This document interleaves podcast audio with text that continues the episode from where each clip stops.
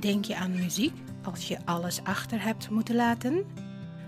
Naar wat voor muziek luister je dan als je helemaal opnieuw moet beginnen?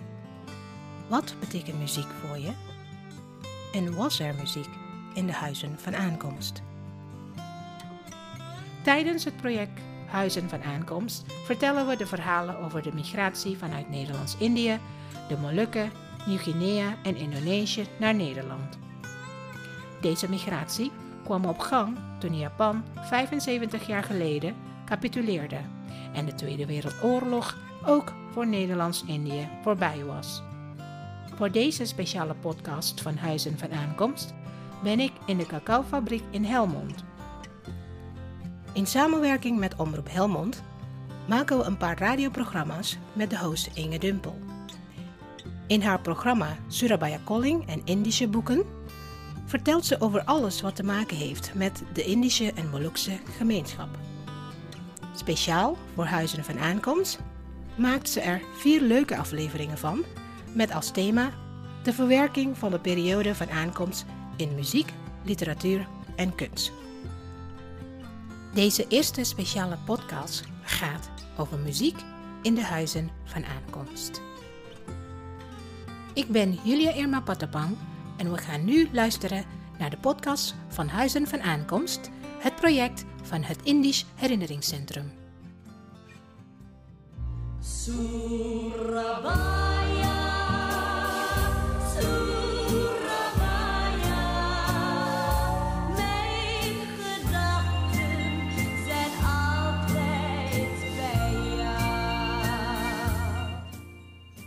Welkom bij het Indisch informatief programma Surabaya Calling. De komende vier afleveringen zullen gemaakt zijn in samenwerking met het Indisch Herinneringscentrum en gewijd aan het project Huizen van Aankomst. Dit tweejarig project is gestart onder de titel 350 mensen kwamen over zee. Het is een van de onderdelen van de herdenking en viering van het officiële einde van de Tweede Wereldoorlog op 15 augustus eh, 2020 en staat in verbinding met het lustrumjaar 75 jaar vrijheid. Dank voor de ruimhartige steun van het uh, V-Fonds, het Prins Bernhard Cultuurfonds en de Gravin van Bijland Stichting, waardoor de verwezenlijking van dit project mogelijk is gemaakt. 75 jaar vrijheid, 75 plekken van aankomst, contractpensions, kampen, woonoorden, gekoppeld aan mensen die hun verhaal hebben van aankomst in Nederland en deze verhalen met ons hebben gedeeld. Vandaag hebben wij twee gasten in de studio, Joyce Radezij en Antonia Foutniljanan. Welkom Joyce, welkom Antonia. Ja. Het thema van vandaag is muziek in huizen van aankomst. En in dit uur muziek als uitlaatklep. Maar denk je aan muziek als je alles achter hebt moeten laten? Misschien dierbare familie die het nog niet gelukt is om naar Nederland te reizen. Wel, ik denk dat juist muziek een uitlaatklep is geweest. Muziek in hoofd en hart meegenomen uit Indonesië. Dit nummer bijvoorbeeld, Schoon ver van jou, gezongen door het ensemble Hotel Batavia.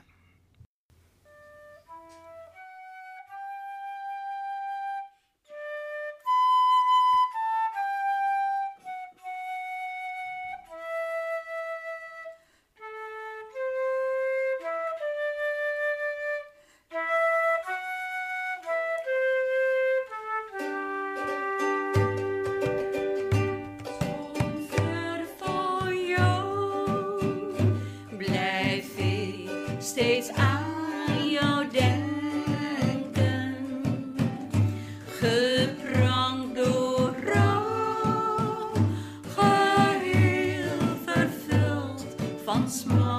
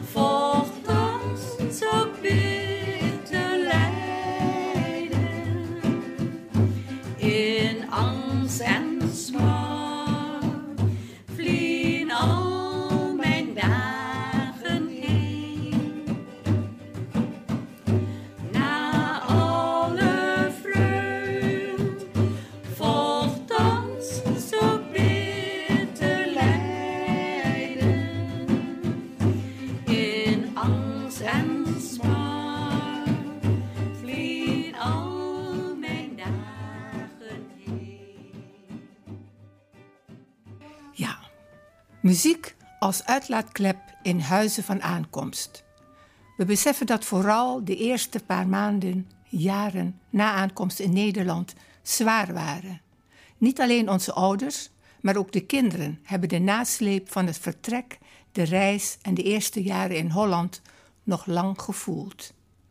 Schoon ver van jou werd gezongen door Hotel Batavia, een band, een ensemble uit Eindhoven die bestaat uit vijf leden: Joyce, Alex, Fatima, Emeline en Richard. Goed gezegd. Mijn eerste gast is geboren in Batavia en kwam in 1958 in Nederland. Muziek speelde altijd een rol in het gezin. Geen wonder dat zij ook muzikaal haar sporen heeft verdiend. Nogmaals welkom, Joyce Radesij. Dank je wel. En waar werd in Huis Radesij naar geluisterd? Nou, vanuit Indonesië ehm, werd veel muziek gedraaid. Eh, onder andere van uh, George de Vretes, Zware Instana. Mijn vader was inderdaad liefhebber van Kronjong. Maar mijn moeder werd, was, is liefhebber, was liefhebber, ze leeft nog niet meer, van uh, evergreens en ja, wat mooie Engelse muziek, zoals van Patti Page en van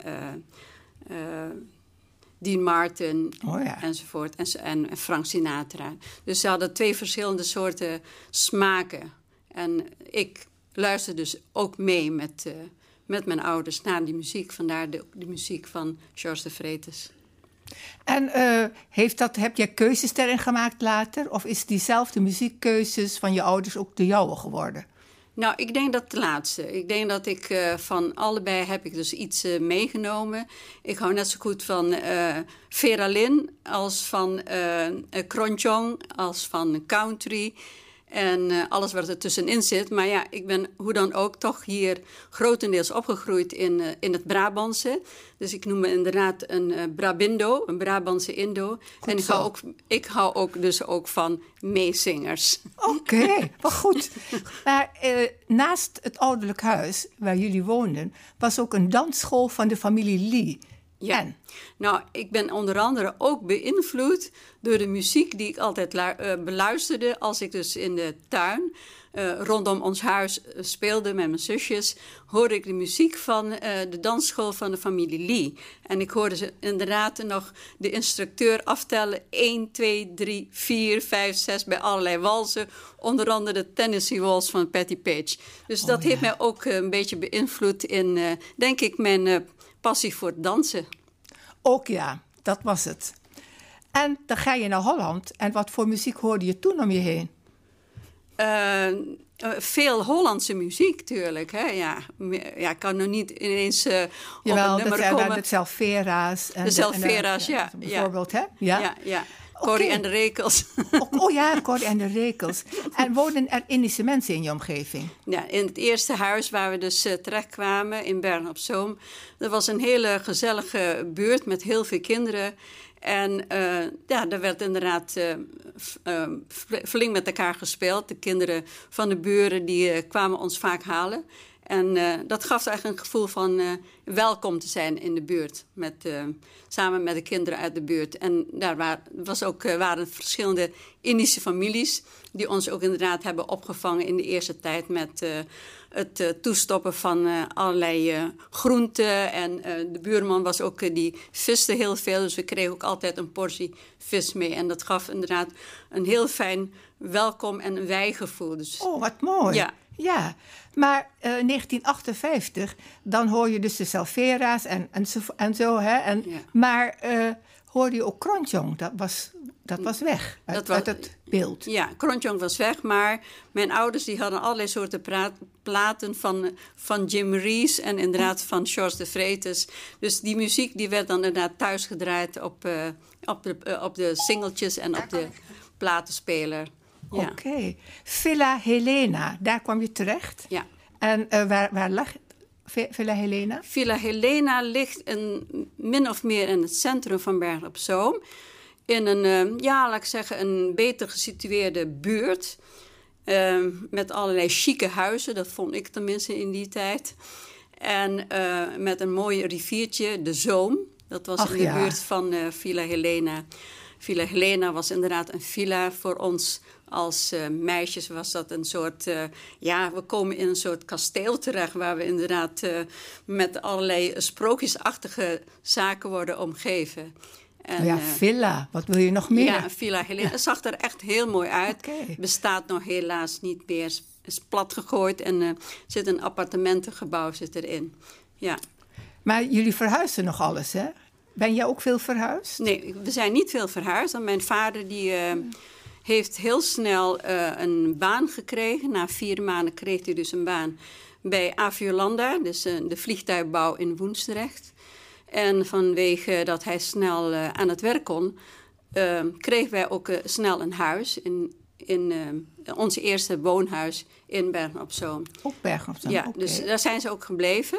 Tot, ja, tot eigenlijk tot het laatste toe. Ik ben daar wel verhuisd, dus vanuit Bern op Zoom naar Eindhoven. Maar mijn ouders die zijn altijd daar blijven wonen in Bern op Zoom. En ehm, muziek, krantjong, fluit. Je bent op fluitles gegaan. Ja, En, Ja. en was dat uit heimwee of waarom was dat? ja. nou ja, goed. eh, muziek heeft ook te maken met allerlei soorten emoties en gevoelens. En eh, ik vond namelijk dat eh, te weinig eh muziek werd gespeeld in mijn omgeving. Dus ik ben inderdaad een klein beetje en op die muziektour gegaan, ook vanwege de taal.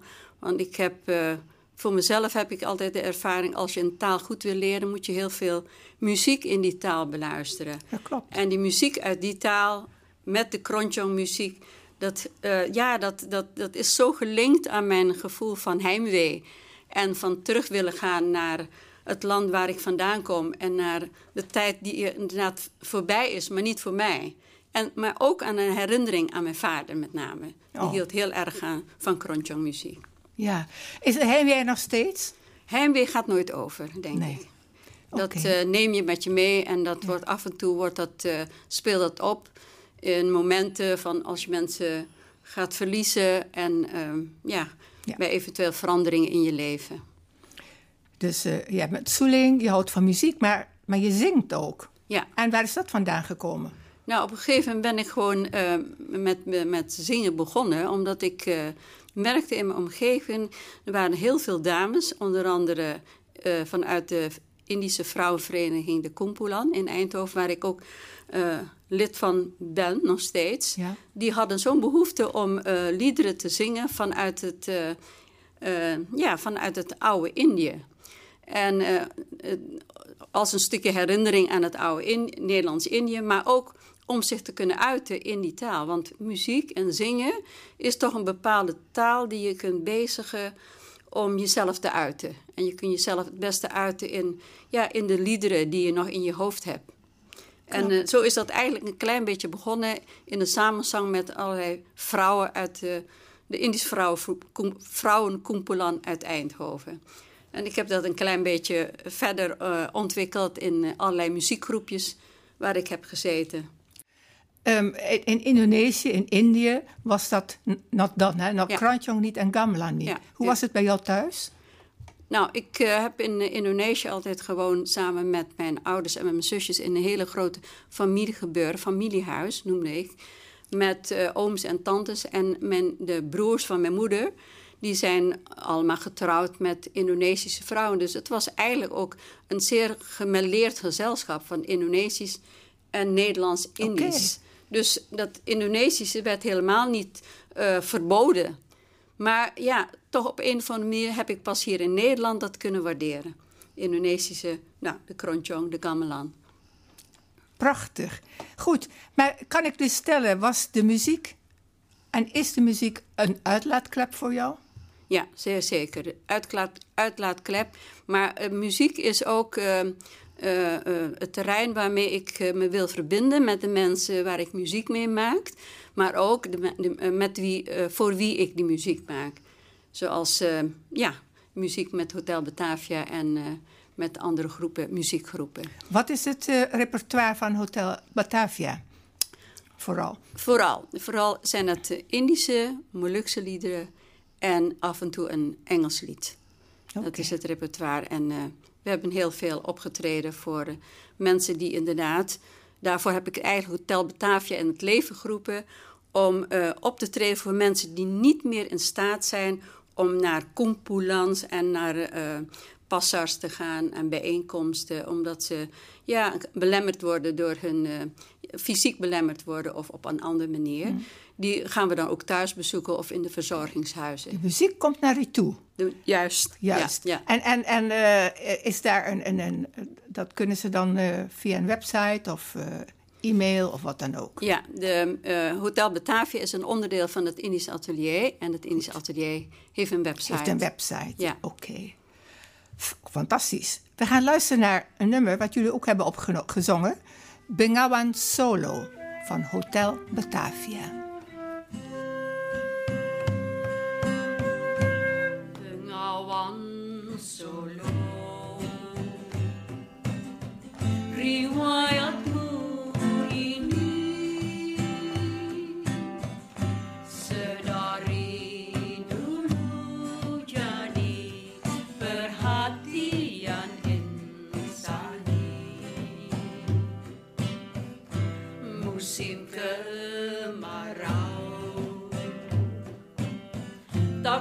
the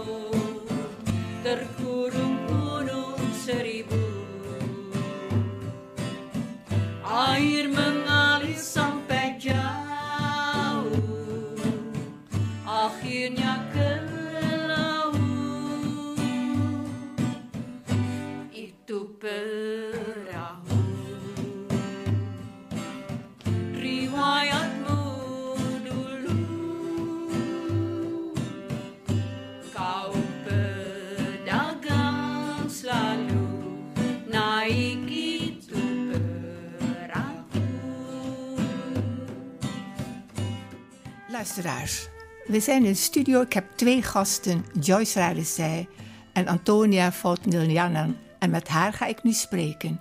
Muziek in huizen van aankomst. Muziek als uitlaatklep. Joyce is heel muzikaal, maar dat geldt zeker ook voor mijn volgende gast. Die geboren is in Os. Het heet Ossekoppenrijk tijdens carnaval, dat weet je zeker Ja, wel, zeker, Antonia. ja. En Antonia heeft een Molukse achtergrond. Welkom. Molukse achtergrond, zeg ik het goed? Ja, mijn vader is of was een Molukker en mijn moeder komt uit Magelang, dus zij is Javaanse. Maar ik heb mijn moeder nooit gekend, want ze is bij mijn geboorte overleden, dus helaas. Dus ik ben eigenlijk, mijn ouders die me hebben opgevoed, waren alle twee Molukkers. Eh, zou je kunnen zeggen, dat is interessant, hè? Zou dat kunnen zeggen dat je dan natuurlijk heel sterk naar die Molukse kant bent getrokken? Door hun opvoeding, door de taal die ze thuis spraken, door... Klopt, in het begin was ik heel erg Moluks opgevoed, maar ik ben sinds 2013 eh, kwam ik erachter waar mijn moeder vandaan kwam en ook de familieleden van haar. Dus ik was in 2013 voor het eerst naar Magelang gegaan.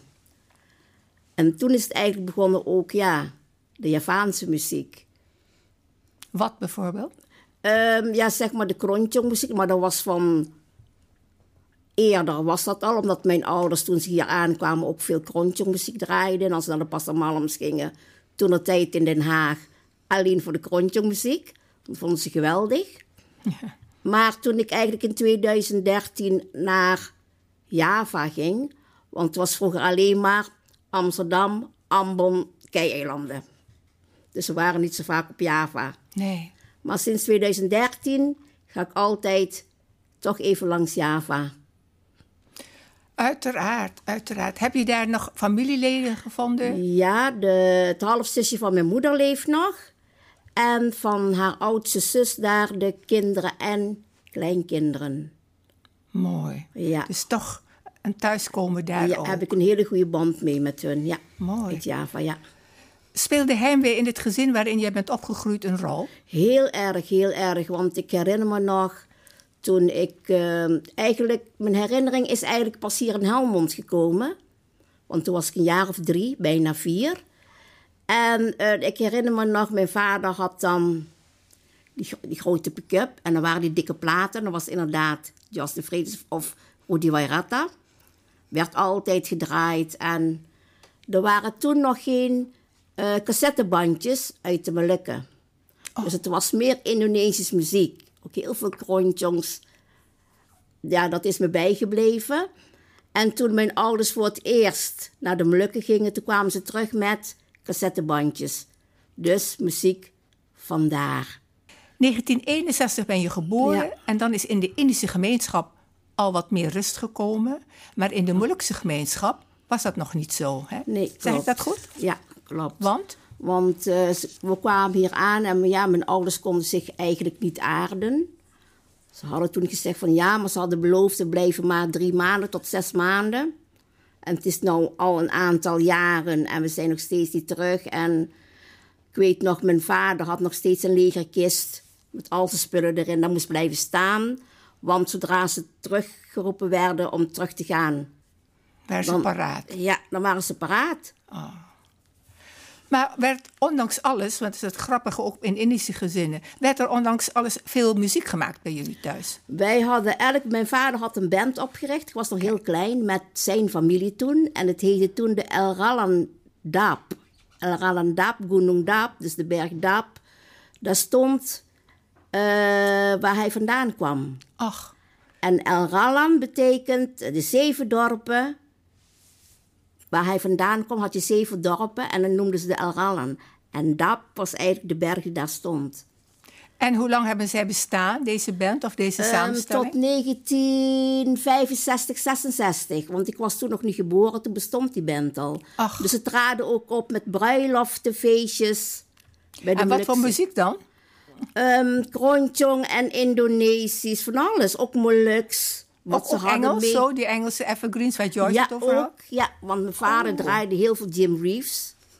En eh, Wat Engelbert hebben we toch met Jim Reeves? Ja. Ja. en dan die Engelbert Humperdinck. Oh, dat was al wat later. Ja, had hij ook Engelbert, heel vaak. Ja, en ehm, heel veel krontjongen. Dan moest ik altijd kijken, wie is dat? En eh, ja, Legde hij jou uit wat Krontjong was? Of, of hij speelde het gewoon? Of heb je nooit gevraagd? nee, ik heb het eigenlijk nooit gevraagd. Ik vond het wel mooie muziek, maar ik heb nou, ja, niet echt gevraagd van, ja, wat is krontjongmuziek eigenlijk? Maar je weet het wel inmiddels, je ja, hebt het ik zelf weet het inmiddels wel. uitgezocht. Ja, Eh, maar jij bent ook eh, hè, eh, multi-instrumentaal, zal ik maar zeggen. Wat bespeel je allemaal? ja, mijn vader zei van, eh, je komt uit een muzikale familie, want papa die speelt ook eh, van alles. Ik ben begonnen drie, vier jaar met de ukulele. Daar is het mee begonnen. Ja. Noemden ze een juke, hè? Een Toen- juke, ja. Dus ja, dus ik was klein. Ik herinner me nog een, een bruine ukulele. Na de ukulele zei mijn vader, je gaat slagwerk doen. Dus ik ben heel jong begonnen met slagwerk. Tot een jaar of twaalf jaar heb ik dat gedaan. Zo. En ik heb heel vaak de drumvel helemaal kapot geslagen, omdat ik heel actief bezig was.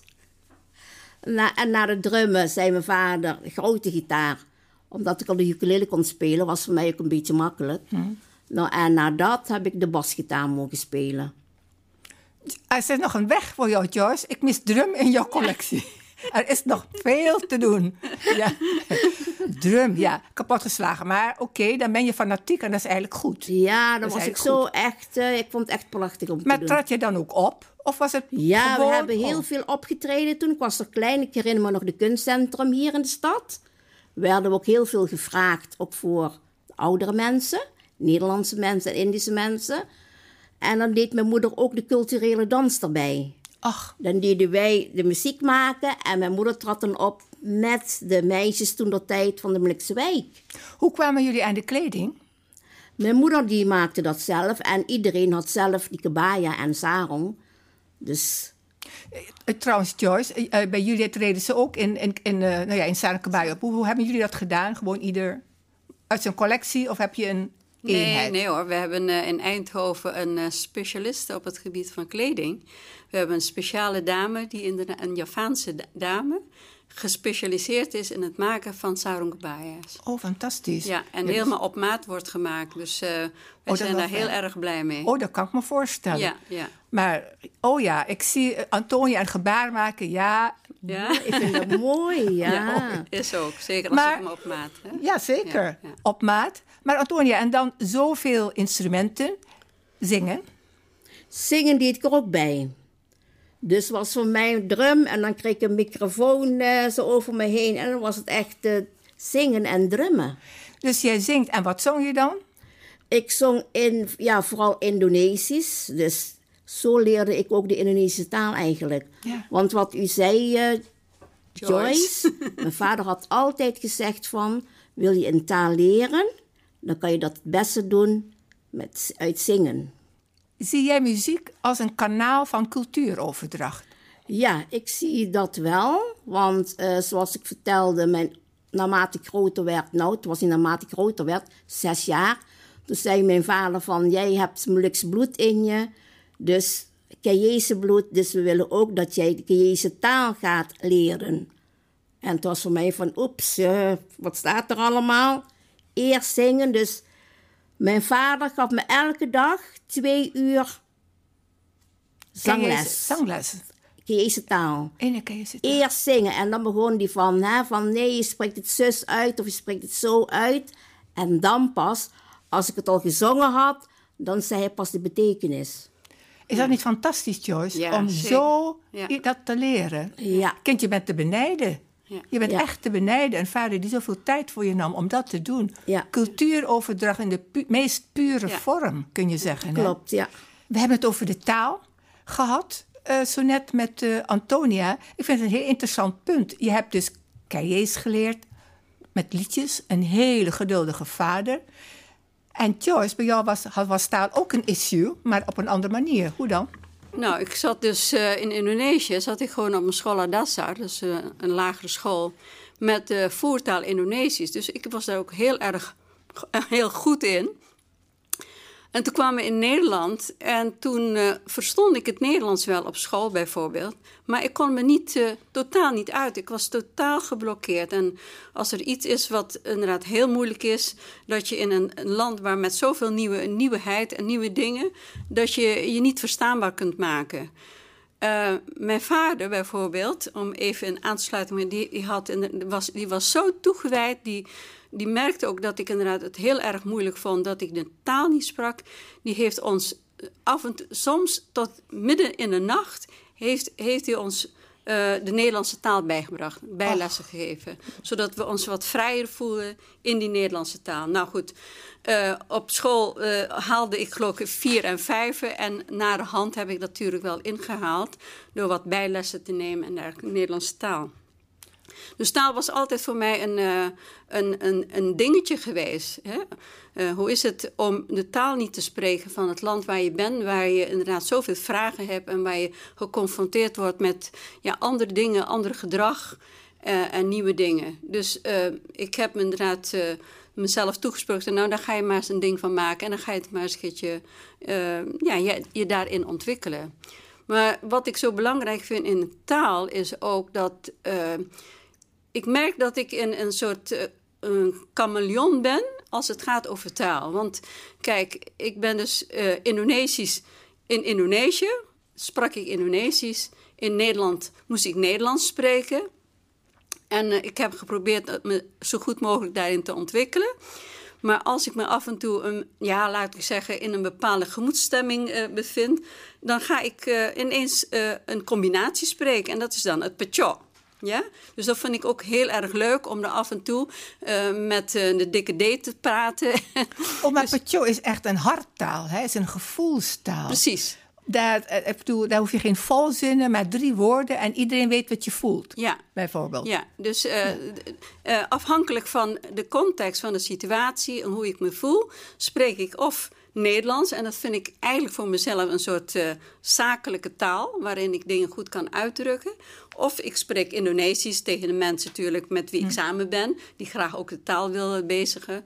Of als, het, als ik er een andere twist aan wil geven, dan spreek ik het Pecho. Dus taal is dus voor mij heel belangrijk. Vandaar dat ik ook graag in drie talen graag wil zingen. Dat, dat kan ik me voorstellen. Mooi. En wat is jouw harttaal? Ehm, ja, Antonia. is eigenlijk, mijn harttaal is eigenlijk, ja, ik sprak van het begin af aan, toen ik klein was, Maleis. Het was meer Maleis, Nederlands, ook alles door elkaar tegen mijn ouders. Want mijn ouders konden toen ook niet zo goed Nederlands. Die spraken ook met handen en voeten gebaar als ze iets wilden weten of wilden zeggen. En deed ik toch mijn moeite om toch proberen om die Maleise taal te praten. Zo, heb ik eigenlijk, zo ben ik ook opgevoed. Tot mijn vader zei van nou, we gaan beginnen met de liedjes.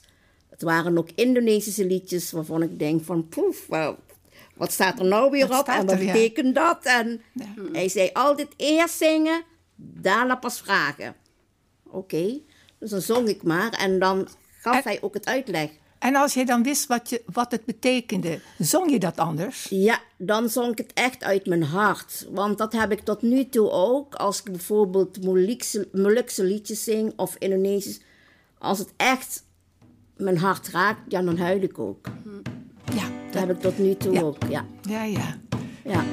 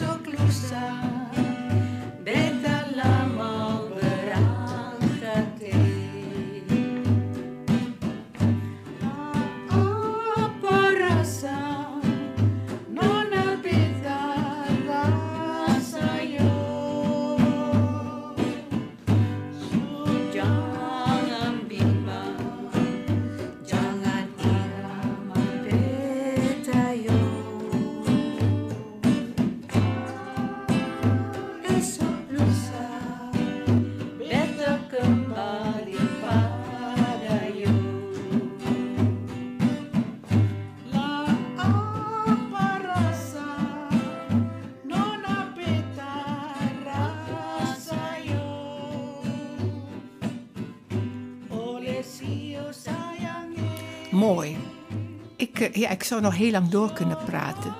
Maar ik denk dat onze tijd bijna op is, zal ik maar zeggen. Heel hartelijk bedankt, Antonia, voor het prachtig verhaal. Joyce, heel hartelijk bedankt. En ik hoop dat heel veel mensen weten dat je door moet geven en hoe je het kunt doorgeven. Luisteraars, dit was een speciale aflevering van Surabaya Calling in samenwerking met het Indisch Herinneringscentrum in Den Haag. U kunt alle programma's via de website van www.omroep Helmond opnieuw beluisteren of via uitzending gemist. En bovendien zendt het Indisch Herinneringscentrum de samenstelling van deze vier speciale programma's uit op de website Huizen van Aankomst op 12 december. Nou, dan eh, luister naar de volgende gasten die dan eh, zondag komen. Heel graag. Tot de volgende keer. Dag.